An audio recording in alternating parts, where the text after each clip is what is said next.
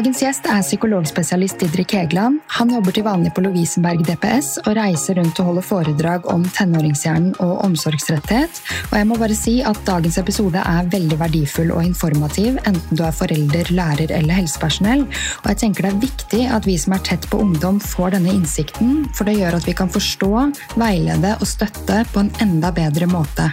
For meg som jobber som helsesykepleier på ungdomsskole, og som har to små barn som en gang skal inn i denne fasen av livet, var dagens episode skikkelig inspirerende. Både fordi jeg følte meg enda mer opplyst, men også fordi den satte i gang refleksjoner som jeg tar med meg inn i jobbsammenheng, men også som mamma, for å kunne bidra til trivsel og utvikling på en meningsfull måte. Didrik har også vært gjest i episode 62 om tiltak og forebygging av omsorgstretthet, og den episoden anbefaler jeg sterkt å høre for deg som jobber i omsorgsyrker og tett på mennesker. For at vi skal kunne være gode hjelpere eller gode foreldre for tenåringer, så tenker jeg at vi må jo ha litt kunnskap om hvordan tenåringshjernen faktisk fungerer i denne perioden av livet. Ja. Så la oss bare hoppe rett inn i hva er det vi vet i dag om tenåringshjernen som vi ikke visste før? Det er ganske mye man vet i nevrofysiologien nå som man ikke visste før. Og heldigvis er det enormt stor fokus på forskning på hjernen blant unge, blant gamle, blant ungdommer uh, internasjonalt, og den informasjonen deles i ett sett. Så det er ganske mye man vet nå som man ikke visste før. Og det er særlig også pga. nye metoder på, for å kunne studere hjernen. Mm. Som, man, som, er relativt ny teknologi. Ja. Og når universiteter og forskningsmiljøer ellers bevilger ganske mye midler til å prøve å forstå hjernen, så er det ikke bare forskning liksom på Alzheimers og utvikle medikamenter som kan stoppe eller reversere. Det er også liksom alle tenkelige fasetter av hjernens fungering, egentlig. Mm. Så tenåringshjernekunnskapen er bare en sånn lite, lite område, egentlig, om du vil, mm. av nevrofysiologisk forskning og formidling internasjonalt. Mm. Hva er de store funnene, da? Du kan si at Det som er litt sånn, eh, litt sånn eh, vanskelig å se for seg, er at eh, hvis vi er enige om at ungdomshjernen er under stor utvikling, det sier seg selv, mm. så er det veldig lett for hvem som helst å tenke seg at det handler om at nervecellene i hjernen knytter seg sammen i nye bånd, og så kommuniserer de med hverandre elektrisk og kjemisk og det er alle tanker og følelser vi noensinne har opplevd.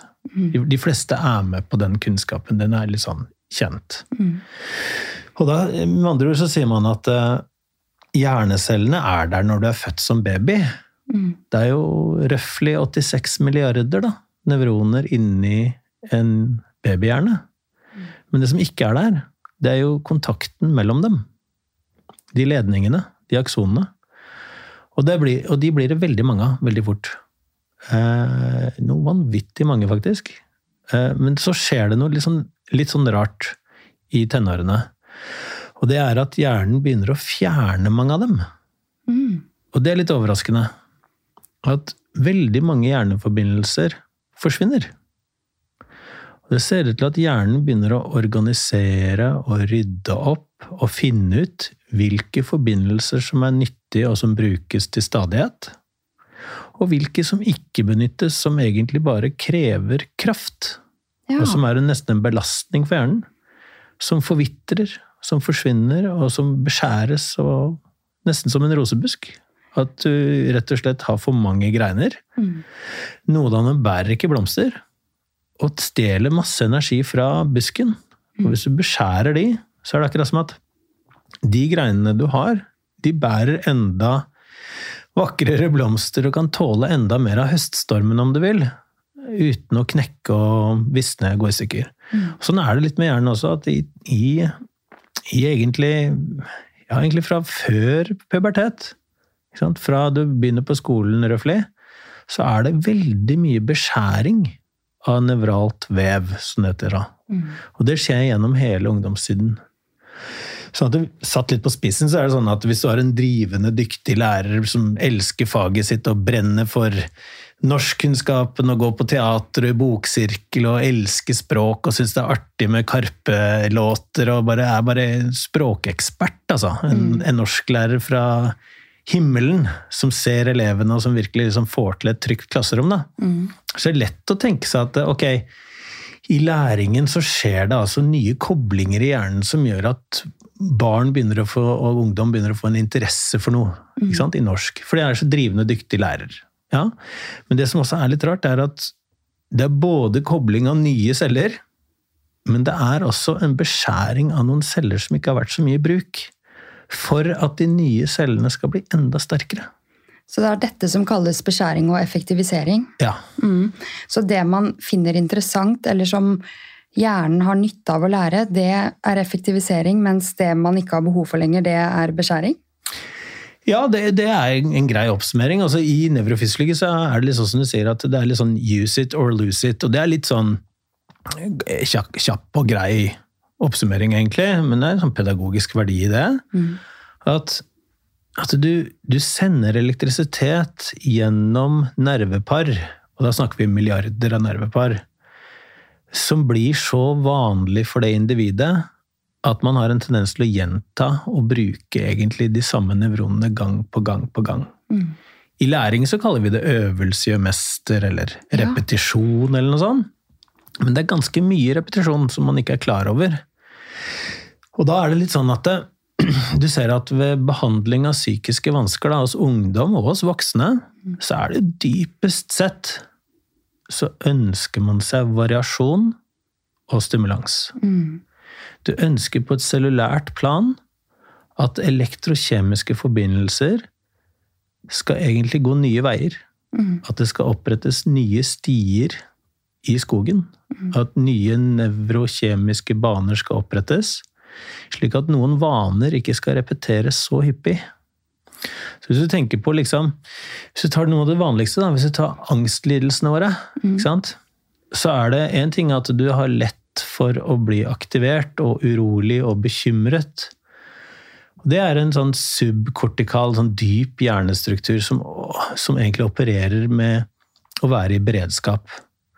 Men så har vi jo en motreaksjon til det av noe slag.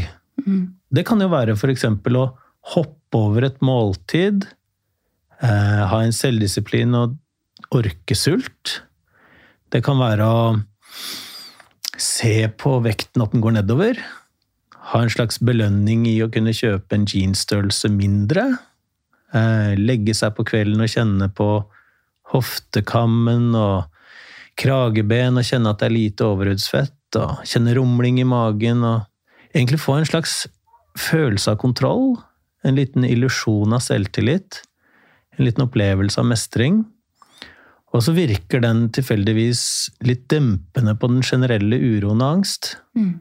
Og så gjør man det noen ganger, og så er det så belønnende at det føles som at jeg må det. Det må være sånn. Mm. Og hvis jeg endrer noe, hvis jeg spiser på en annen måte, eller går kortere, eller trener mindre, eller går i bursdag og ikke sjekker hva vi får servert, og spiser både kake og pizza i bursdag, så er det så forferdelig angstutløsende at det er komplett umulig. Og I det eksempelet der, bare for å liksom oppsummere det, så er det sånn at det er en subkortikal aktivering av generell angst. Mm. Men så er det høyere ordenskognisjon framover i hjernen Mm. som begynner å vurdere at jeg kan håndtere det på noen måte. Og idet det funker, så får du en liten dopaminbelønning i at det funka å løse det på den og den måten, og så gjentar man det. Og det mønsteret kan bli veldig rigid. Det kan bli veldig repetitivt. Så det er derfor vi sier at du har en slags grunnlidelse, men så har du rigide, repetitive forsøk på å mestre den psykiske smerten. Mm. Og det til sammen blir noen vaner. Og for noen så kan det bli psykopatologisk, altså sykdom. Mm.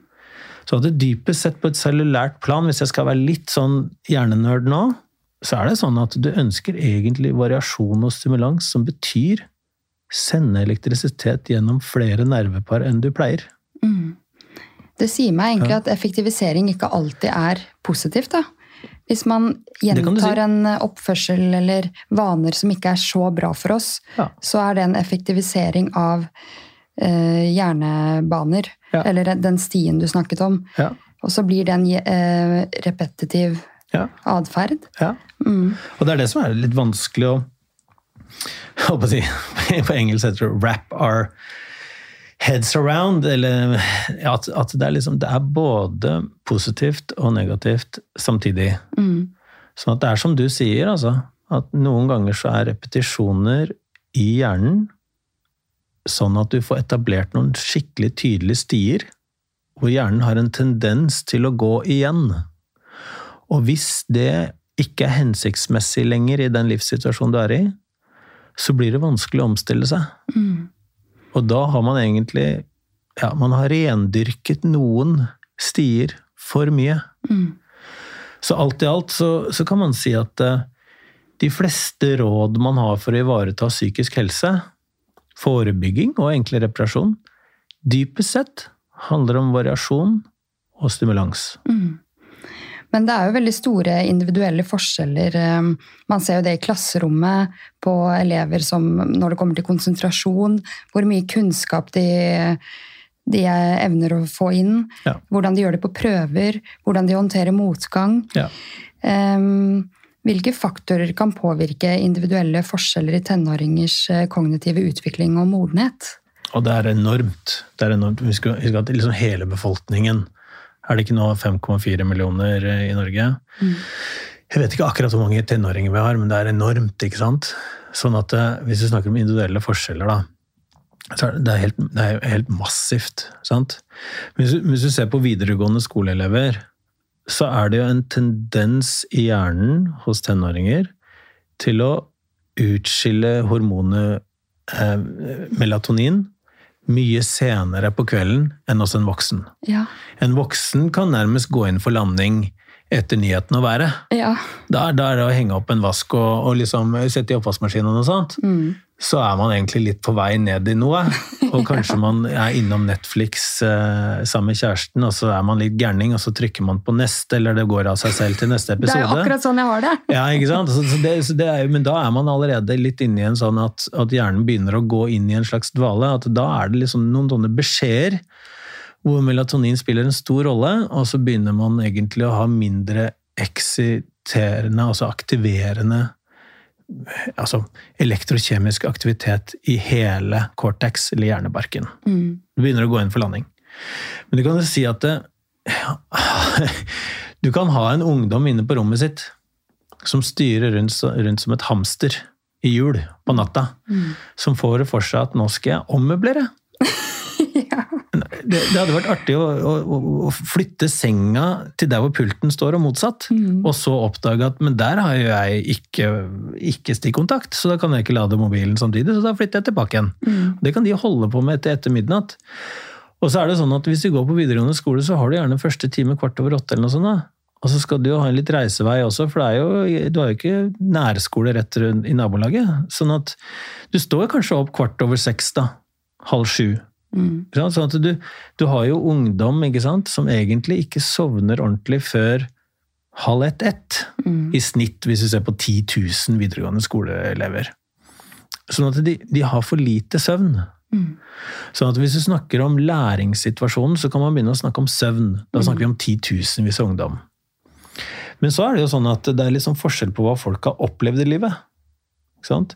Sånn at eh, evnen til å holde på konsentrasjon, og ikke bli distrahert Det er ikke bare om hvorvidt du har mobil i hånda, eller om det er bråk i klasserommet. Det er mange ting som virker inn på det. For eksempel, hvor, hvor er terskelen din for å bli aktivert? Hvis du kommer fra noe utrygt, Mm. som er typisk for meg som jobber i psykisk helsevern. Mm. Hvis du, for vi møter jo mennesker som kommer fra noe veldig utrygt. Så skal det ikke mye til før du blir så aktivert at du er utenfor den aktiveringen som vi kaller toleransevinduet, hvor du er rett og slett overaktivert. Mm. Fordi du er egentlig litt i beredskap, eller underaktivert. At man blir egentlig litt sånn fjern og soner ut, og egentlig gir litt opp mentalt. Og da har vi bare snakket om noen, ikke sant? Da har vi snakket om søvn, og så har vi snakket litt om tidligere erfaringer og hva du har med deg på skolebenken. Mm. Så vi skal snakke om så store tall, individuelle forskjeller blant liksom hundretusenvis av ungdom, så, så kan vi på en måte snakke resten av kvelden og i morgen, ikke sant? Mm. Men jeg tror, jeg tror kanskje at det, eh, når vi først er inne på individuelle forskjeller, så er vi jo egentlig litt sånn på å være litt sånn genuint nysgjerrig og ydmyk i møte med hva er det unike med akkurat den ungdomshjernen. Mm. For det som er litt snålt, det er at uansett hvor stor innsats du gjør som foreldre, så er det bare 50% av genene dine som ligger til grunn for byggingen av den hjernen. altså. Mm. Uansett hva du kjenner om partneren din, eller ekspartneren din, den som var forelderen foreldren til barnet, Mm. det er noen andre byggesteiner der, men mest av alt så er det mutasjoner. Mm. Det er litt sånn Det individet begynner å bli noe annet, basert på dere to. Mm. Det begynner å dukke opp noe annet. Så det er ikke bare kopiering av det gamle, men det er liksom mutasjonen, da. Mm. Det sier jo meg at skolesystemet, da, eh, sånn som det er lagt opp med stillesitting på pulter eh, med litt friminutt her og der, Mm. det, det går jo ikke helt, eh, stemmer jo ikke helt overens med hvordan tenåringshjernen vår fungerer, og med alle de individuelle forskjellene som er, da. Nei, altså det er jo en altså Hvis du ser på fylogenesen av menneskets utvikling, så er det en ganske spesiell situasjon å sitte ved en skolepult. Mm. Det er egentlig ganske unaturlig. Hvis du ser menneskets utvikling over de siste 200 000 årene, så er det egentlig ganske unaturlig. Mm. Nå er det ikke sånn at alle skal være ute i felten og gjøre hands on-oppgaver blant så mange hundre tusen ungdommer i Norge. Det, det, det, skjønner vi. Så det, så det blir en intellektuell overføring av en formidler som kalles lærer, i en strukturert situasjon som kalles klasserom. Og så blir det flere fag, for det er nødvendig for å utvikle ferdigheter til å fungere selvstendig i samfunnet, som vi kaller løsrivelse. Mm. Vi er liksom enige om den modellen. Det, det, det, er, det er ganske, ganske så nyttig. Mm. Men så er det litt sånn at eh, hvis vi tenker variasjon og stimulans, og så sier jeg at vi må tenke flere ting samtidig, så er det sånn at du har egentlig lyst til å ha et klasserom som er akkurat så trygt og forutsigbart at det er på grensen til kjedelig. Mm. Du har en lærer som er sjefen i klasserommet. Det er ikke noe tvil om hvem som er sjefen i klasserommet. Og da snakker jeg ikke om en tyrann, men det er en rettferdig, demokratisk orientert person som har full oversikt og har en selvtillit og en følelse av at dette er mitt rom, Mm. og du er på besøk i det rommet. Så det er en ganske så trygt rom å være på besøk i. Der er det en tydelig voksen til stede. Ikke sant? Da har vi begynt å lage noen rammer rundt hjernen som er akkurat så trygt at du kan komme innenfor toleransevinduet ditt. Altså aktiveringen kan bli optimal. Du har verken for lite eller for mye aktivering, og det er perfekt for kognisjon. Altså hjernens evne til å prosessere informasjon. Ja. Så oppmerksomhet og læring og hukommelse, å begynne å forstå noe, og begynne å anvende det, prøve det ut, det å se om det funker i virkeligheten, den flyttinga av erfaring og over i anvendelse og se utfallet, det er jo perfekt. Mm. Da er du ganske trygg. Så du ønsker deg egentlig et klasserom som er litt sånn som jeg nettopp beskrev, men innenfor den boksen her, da, innenfor de rammene der, så har du lyst til å ha ganske mye variasjon og stimulans. Mm.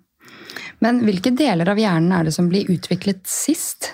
Ja, altså sånn enkelt sagt så er det sånn at hjernen utvikler seg røftlig fra kjeller til loft og bakerst til fremst samtidig. Mm. Det skjer både i svangerskapet, ikke sant, som foster, og i livet fra 0 til 20 år cirka. Mm. Ofte over 20 år også. Så det var, det var altså kjeller til loft og bakerst til fremst. Mm. Det betyr jo at det som er litt sånn framover, det som er under panna, det er det som kommer sist. Mm. Og du har jo frontalkortex hele livet, men det er liksom ikke fullstendig ferdig før du har runda 20 år. Og det er tilfeldigvis det vi forbinder med å være voksen, velfungerende person i et moderne, komplisert samfunn som vårt. For der ligger nemlig liksom evnen til abstrakt tenkning. Og så er det organisering og planlegging. Og så er det å vurdere hva som er vanskelig, og hva som er inspirerende, på kort sikt og på lang sikt. Mm. Og kanskje utsette en belønning som er umiddelbar, til noe som er litt større, lenger ned i veien. Og når du attpåtil gjør noe simultant, som jenter skryter av at jeg får- har mer av enn gutta, ikke sant? Mm. og gjøre flere ting samtidig, Mm. og så ha en mental utholdenhet attpåtil, og ikke nok med det, du har lyst til å være litt kreativ òg, gitt. Så Ja. du har har lyst til å begynne å leke med informasjon på en ny måte. om du lager humor eller kunst eller musikk, eller om du begynner å gå på musikk, dans, drama, uansett. De mest avanserte delene av hjernen som jeg nå ramsa opp, det foregår framover i hjernen. Mm. Og det er ikke ferdigstilt før du er runda 20.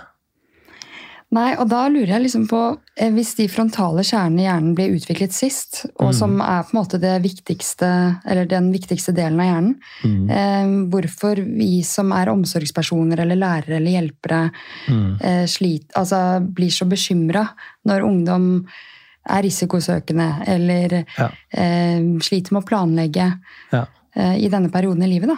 Ja. Altså, eh, hvis vi er enige om at alt du har, av hjernen din Mm. Hvis jeg er litt, litt freidig nå, ok? setter det litt på spissen, så er kroppen din, som du er antagelig veldig opptatt av i forhold til ernæring og trening og sånne ting, det er noe som er bygd som noe som skal flytte hjernen rundt omkring. Mm. Så snudd på hodet så kan du si at kroppen din det er noe hjernen drasser etter seg. At det, det, helt av, det aller, aller viktigste er hjernen din. Mm. Og så må jeg minne lytterne på at det er ingen som har hatt kjærlighetssorg i hjertet noensinne. Og det, det stikker litt, ikke sant? At det, du har hatt sekundære muskuløse endringer i brystkassa mm. som kjennes som at noen skjærer deg i hjertet med glasskår fordi noen slutter å elske deg. Mm. Så jeg kimser ikke av kjærlighetssorg. Men det skjedde i hjernen din. Ja. Ja. Og sånn er det også at det er ingen som har hatt en magefølelse på at de skal by på en leilighet for mer enn de har finansieringsbevis for. Alt foregår i Ja, hjernen. alt, absolutt alt er i hjernen. Ja. Så du har, du har diffuse endringer i magen som er litt sånn kiling, som du begynner å tolke som noe. Mm. At det betyr noe, og at det er en slags prediksjon, at det blir riktig for deg. Mm. Sant? Men alt skjer i hjernen. Og så har du Gud. Kanskje. Hvis du har flaks. Mm. Det er sånn opp til lytteren hva troen din er, eller ikke troen din er. Det er, liksom, ikke sant? det er alt vi har. Kanskje skjebne, mm. Og så videre, og så videre. Men hvis vi er med på det, da, at alt du har av hjernen, og at hjernen bruker lang tid på å utvikle seg, så hvis vi er litt grann sånn roboter nå, ikke sant?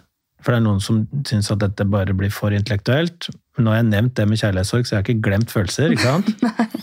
så er det sånn at dypest sett så holder vi på som lærere og foreldre, ungdomsarbeidere, terapeuter og andre. Vi driver egentlig med utviklingsstøttende omsorg. ja. Fordi det er en utvikling åkkesom. Den kan vi tenke oss er biologisk. Og så har vi en utviklingsstøttende omsorg. Altså vi har en samhandling og kommunikasjon og tilgjengelighet med kjærlighet og involvering som skal være utviklingsstøttende i omsorgen. Det er det vi går for. Og da, var aner, ikke sant? da anerkjenner du at det her, er det, her er det nok en modning og en utvikling, åkke som, altså. Mm. Og det er noe elektris- elektrokjemiske greier. Men alt som skjer, er hjernen. Mm. Dermed så er det sånn at du har egentlig lyst til å ha lange løp med is i magen. Mm. Uten å bli vippet av pinnen. Ja. Uten å bli reaktiv, heter det i psykologi. Sånn at når ungdommen din har en utvikling som går i en annen retning enn den du skulle ønske deg, så er det lett å bli ganske aktivert. Mm. Når barnet ditt minner om noe som er vanskelig hos eksen din, Ja. sånn, så er det ganske utfordrende. Mm. Ikke sant? Det kan godt til og med tenkes at det er noe utvikling hos barnet ditt som går på kryss av verdiene dine. Mm. Det kan tenkes at du har en ungdom som har noe som minner deg om metoo-atferd. Mhm. Det kan godt tenkes at du har en ungdom som holder på med noe som egentlig minner om mobbing. Mm. Og man kan bli rimelig aktivert. Og da er det sånn at i hverdagen din så skal du prøve å få til et parforhold. Du skal prøve å få livet til å gå rundt med økonomi, og så skal du prøve å ha det sånn tålelig greit på jobb. Og så skal du prøve å leve med den selvkritikken det er å være foreldre, for da gjør du feil hele tida hver dag, nærmest. Mm.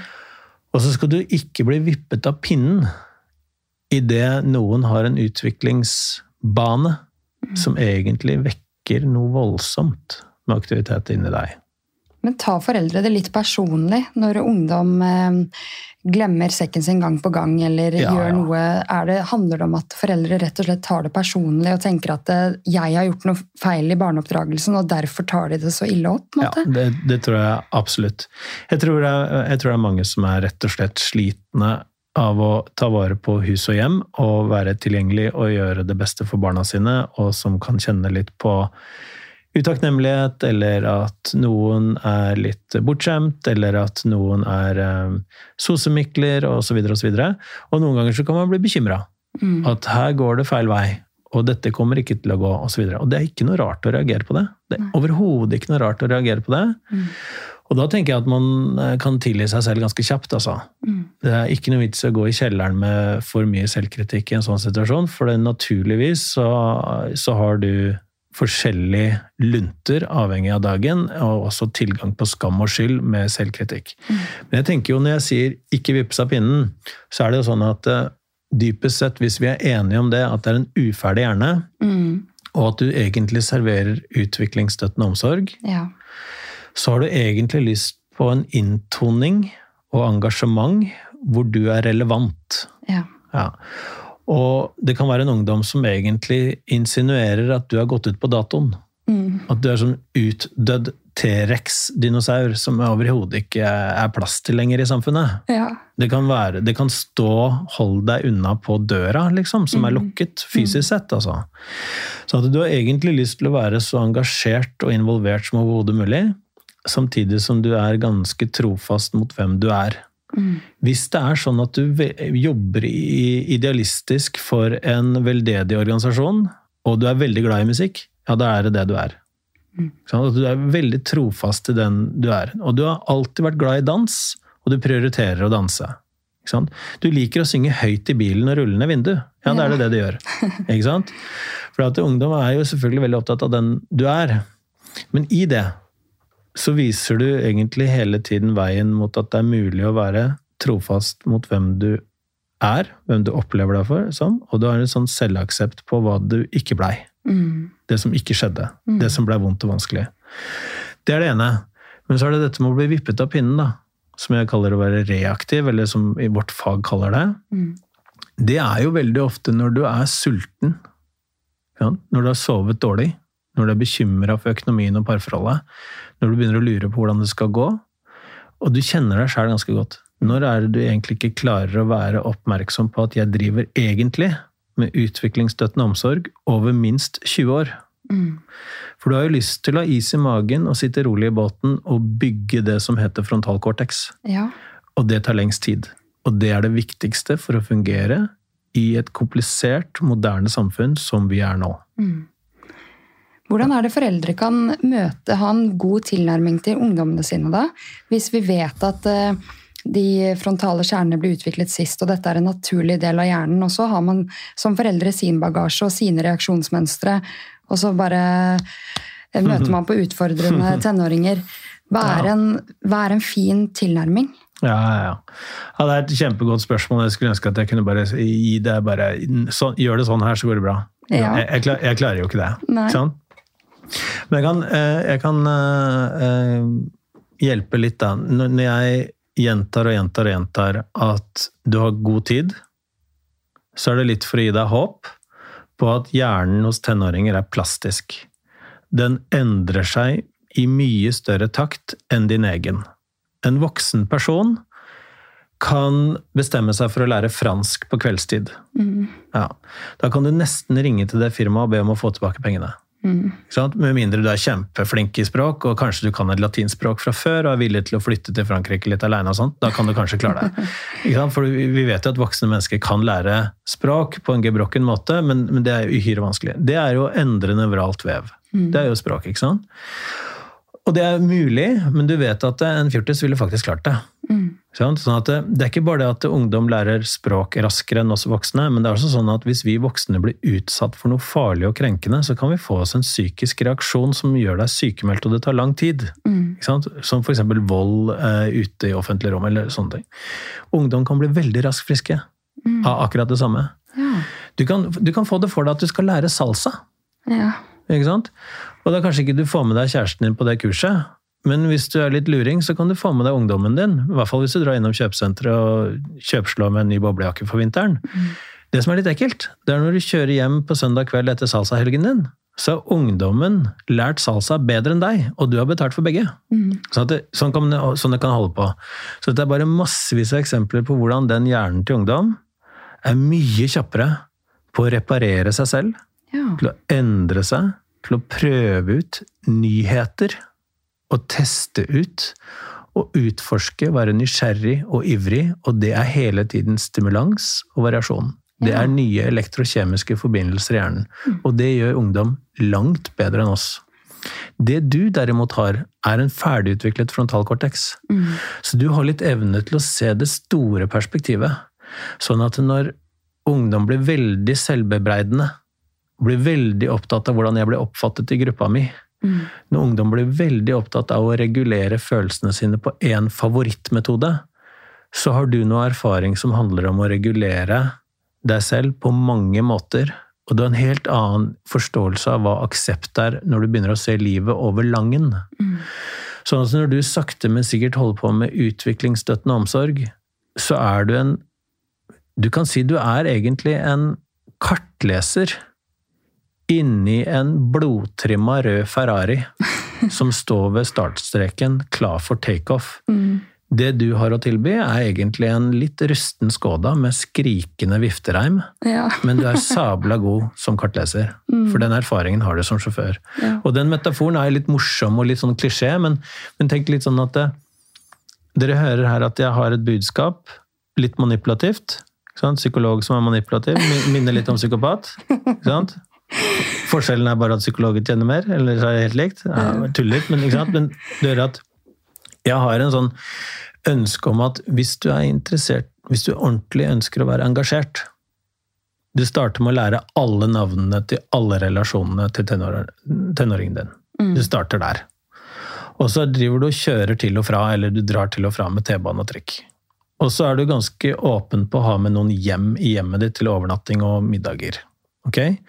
Og så er du ganske så engasjert i skolemiljø og vennegrupper og foreldre. Du, du finner på at du skal være med i FAU. Du får det for deg at du skal være klasseleder. Du har lyst til å være med å arrangere 17. mai, og du tenker at den der skolediskoen den skal jeg søren meg være på, osv.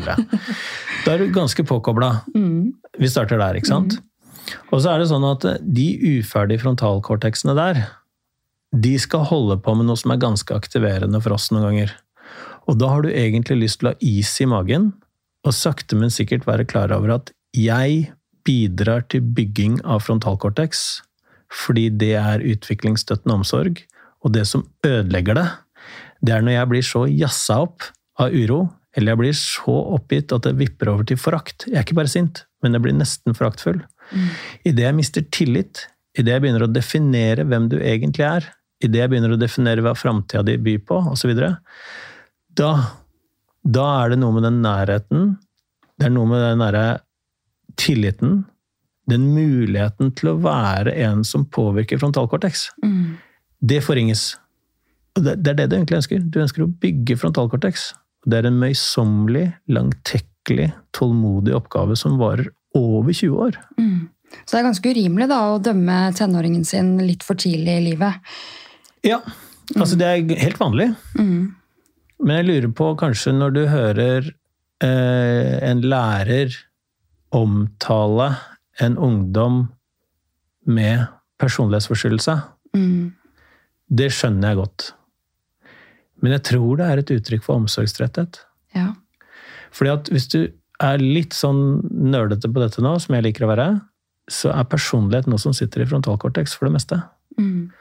Og det er ikke ferdigstilt før du har runda 20. Så det er litt vanskelig å være forstyrra i personligheten når man er 15. Mm.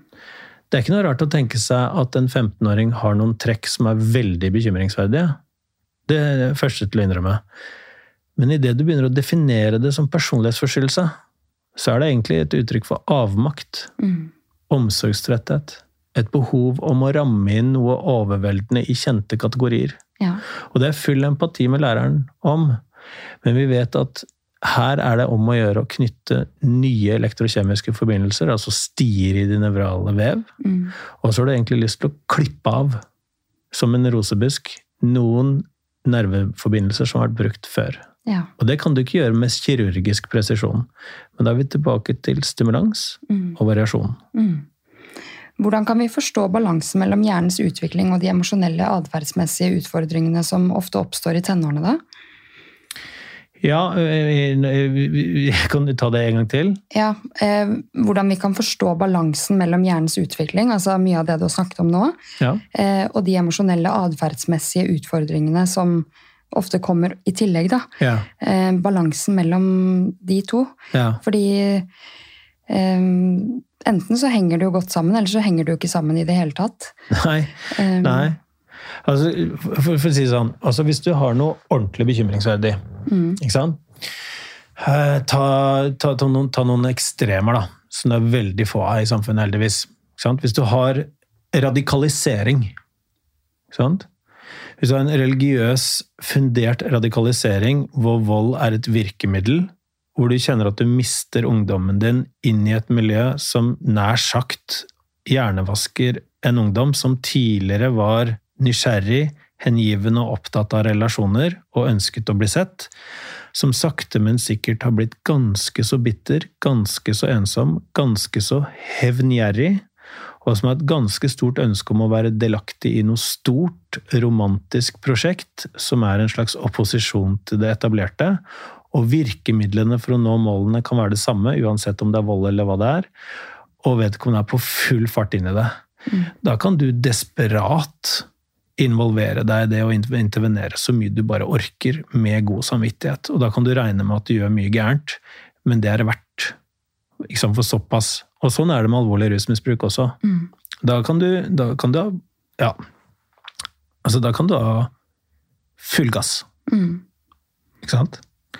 Men så er det sånn at det er egentlig de aller færreste Vi startet med å snakke om over fem millioner innbyggere i Norge. Må bare minne oss på at det vanligste, statistisk sett, det er å bli frisk. Mm.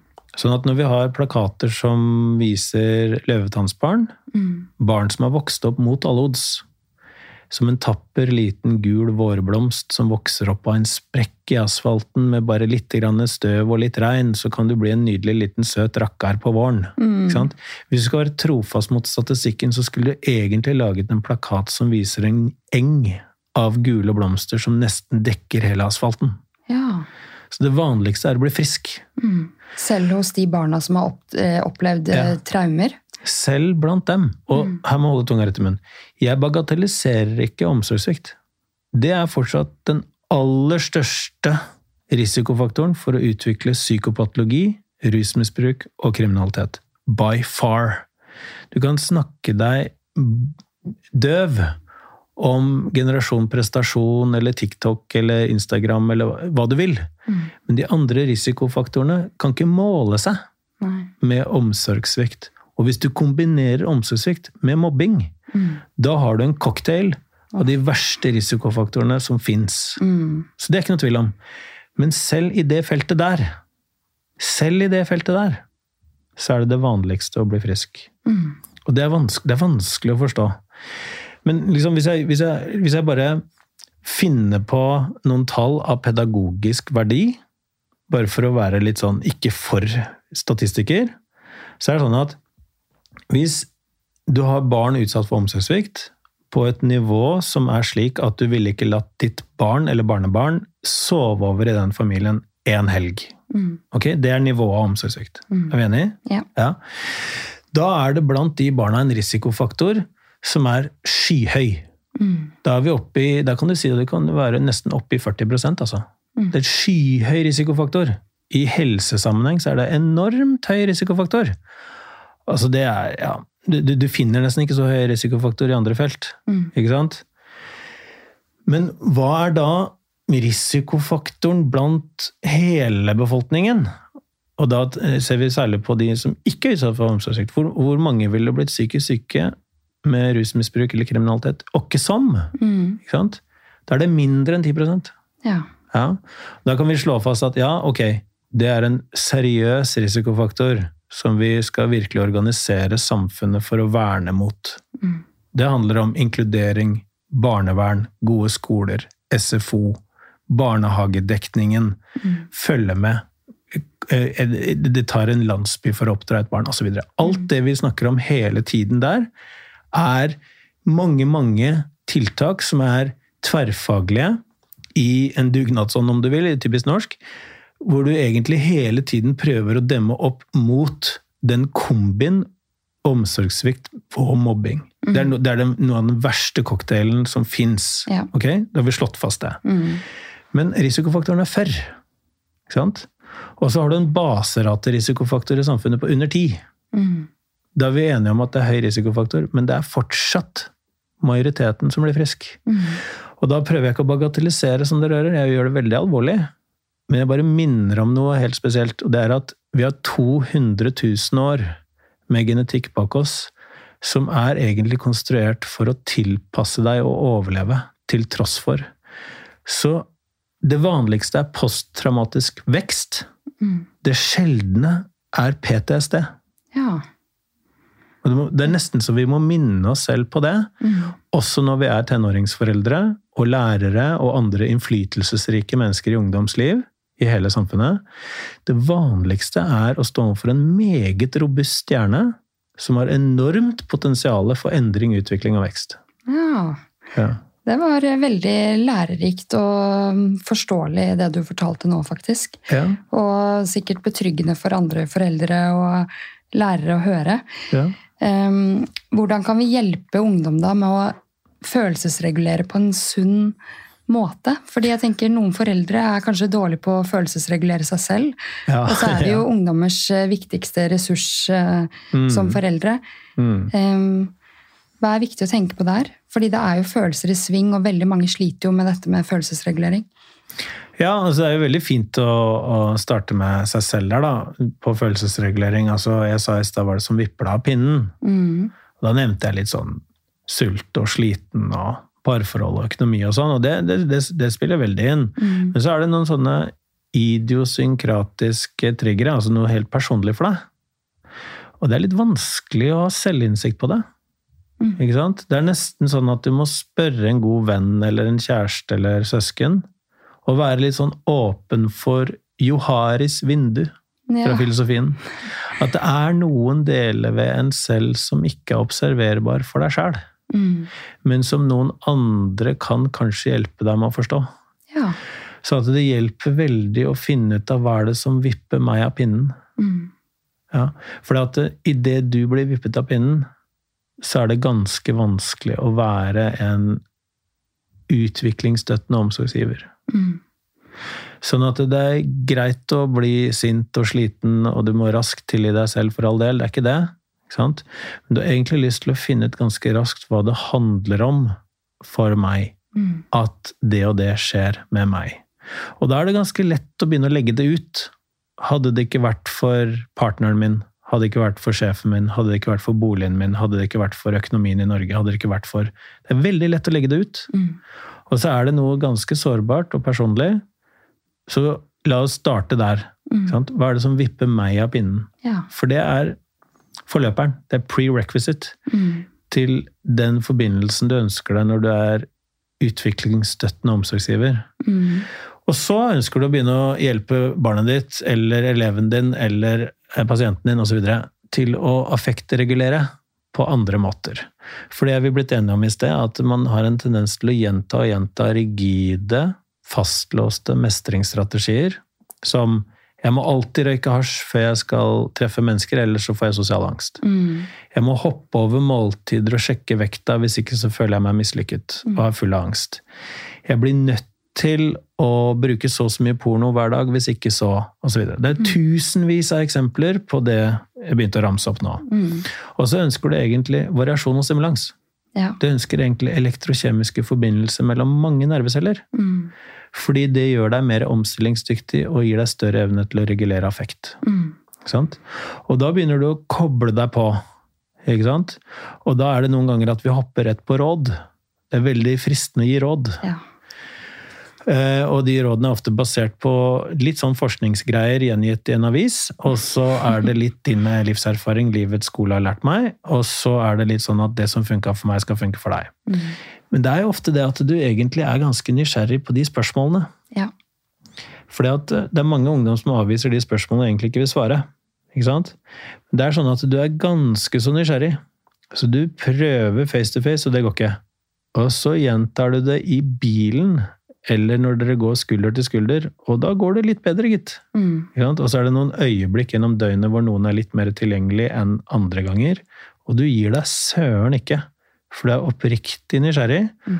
og du vippes ikke av pinnen av det svaret som kommer. Godt sagt. Ja. Ja. Hvis man har det i bakhodet og heller er litt undrende, Ja. istedenfor at man skal sitte med fasiten, Mm. så tror jeg det er en god tilnærming. Ja, ja, Ja. ja. Mye lettere sagt enn gjort, alt dette her, ikke sant?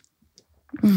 Men det er litt sånn eh, Jeg tror det spørsmålet ditt er eh, gull verdt. Altså. Jeg tror kanskje det er kjernespørsmål, fordi det handler om følelsesregulering. Og til syvende og sist er det vi holder på med hele tiden. Mm. Vi prøver egentlig bare å finne ut av det. Som voksne, til og med, så prøver vi å finne ut av det Mm. hele tiden. Meg i verden sammen med andre, og meg aleine med bare meg. Mm. Hele tiden prøve å finne ut av det. Ikke sant? Og det er ganske mange voksne som har fått det for seg at jeg veit hva som er bra følelsesregulering. Jeg veit at jeg må drikke et glass vin. Jeg veit at jeg må trene, og så veit jeg at jeg må på hytta. Og, så, ikke sant? og det funker ganske bra, det. Eh, Helt til livet plutselig ble veldig vanskelig fordi du fikk kreft Mm. og du oppdaga at kjæresten din var utro. Og dessuten skal jobben din legges ned, og du må ut på jobbmarkedet. Hvis tre sånne ting skjer samtidig, så funker ikke de gamle, innøvde mestringsstrategiene. Da ønsker du deg variasjon og stimulans, Mm. for ikke utvikle noe som vi tenker på som en depressiv episode med angst, hvor du får et bratt funksjonsfall med lengre sykemelding. Mm.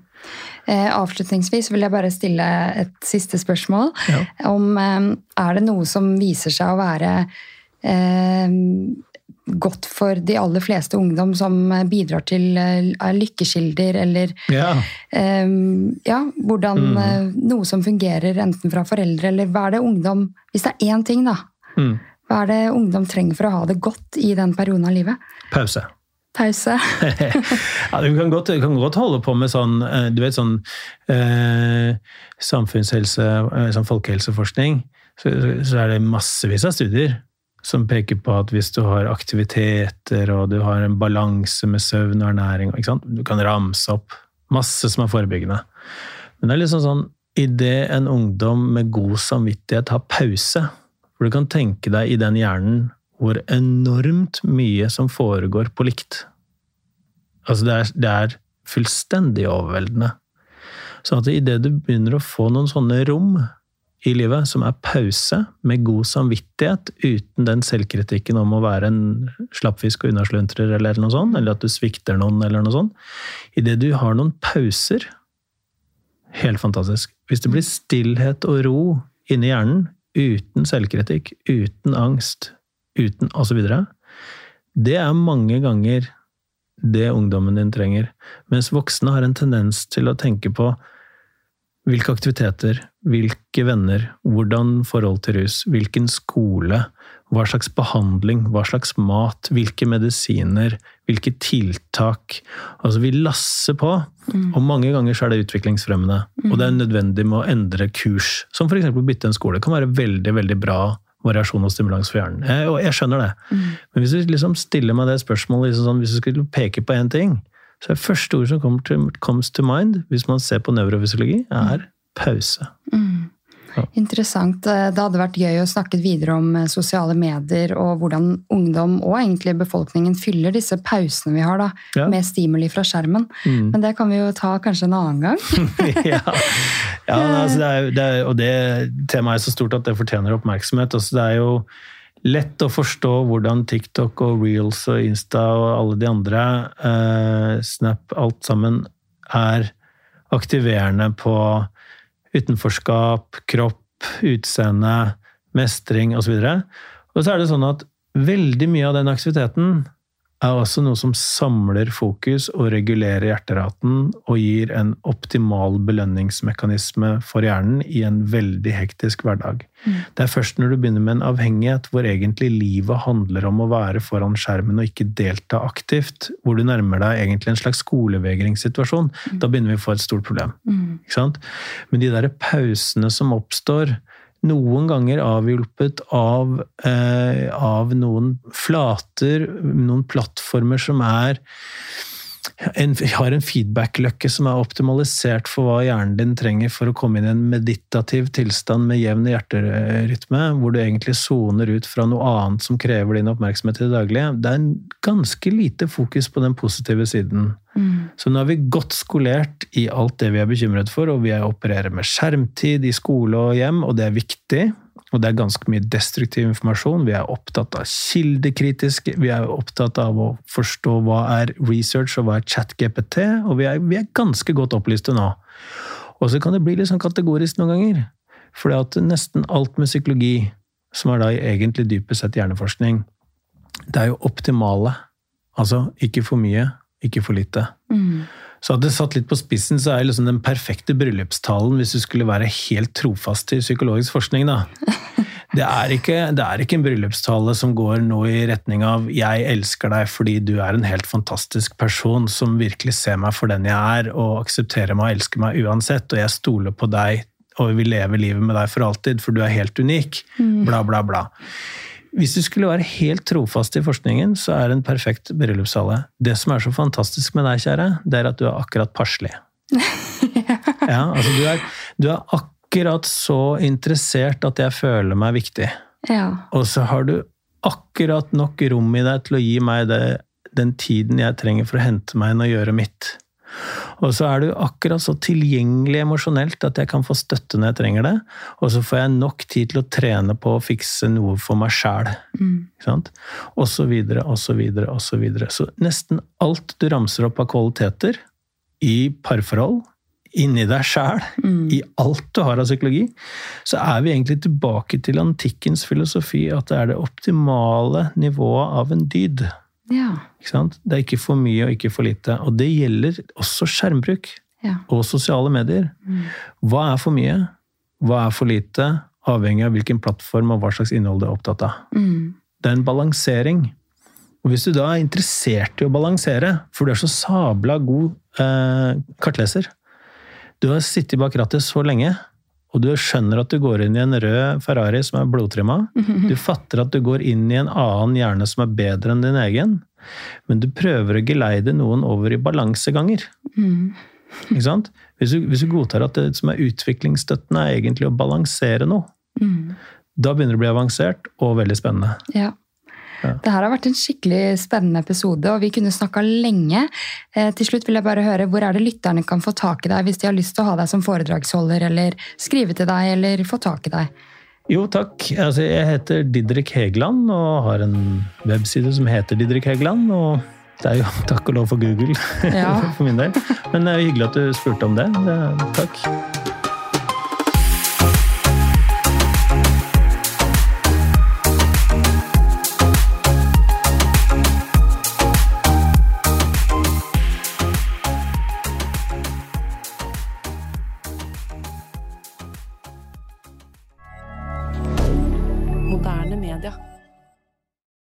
Har du et enkeltpersonforetak eller en liten bedrift? Da er du sikkert lei av å høre meg snakke om hvor enkelt det er med kvitteringer og bilag i fiken, så vi eh, gir oss her, vi.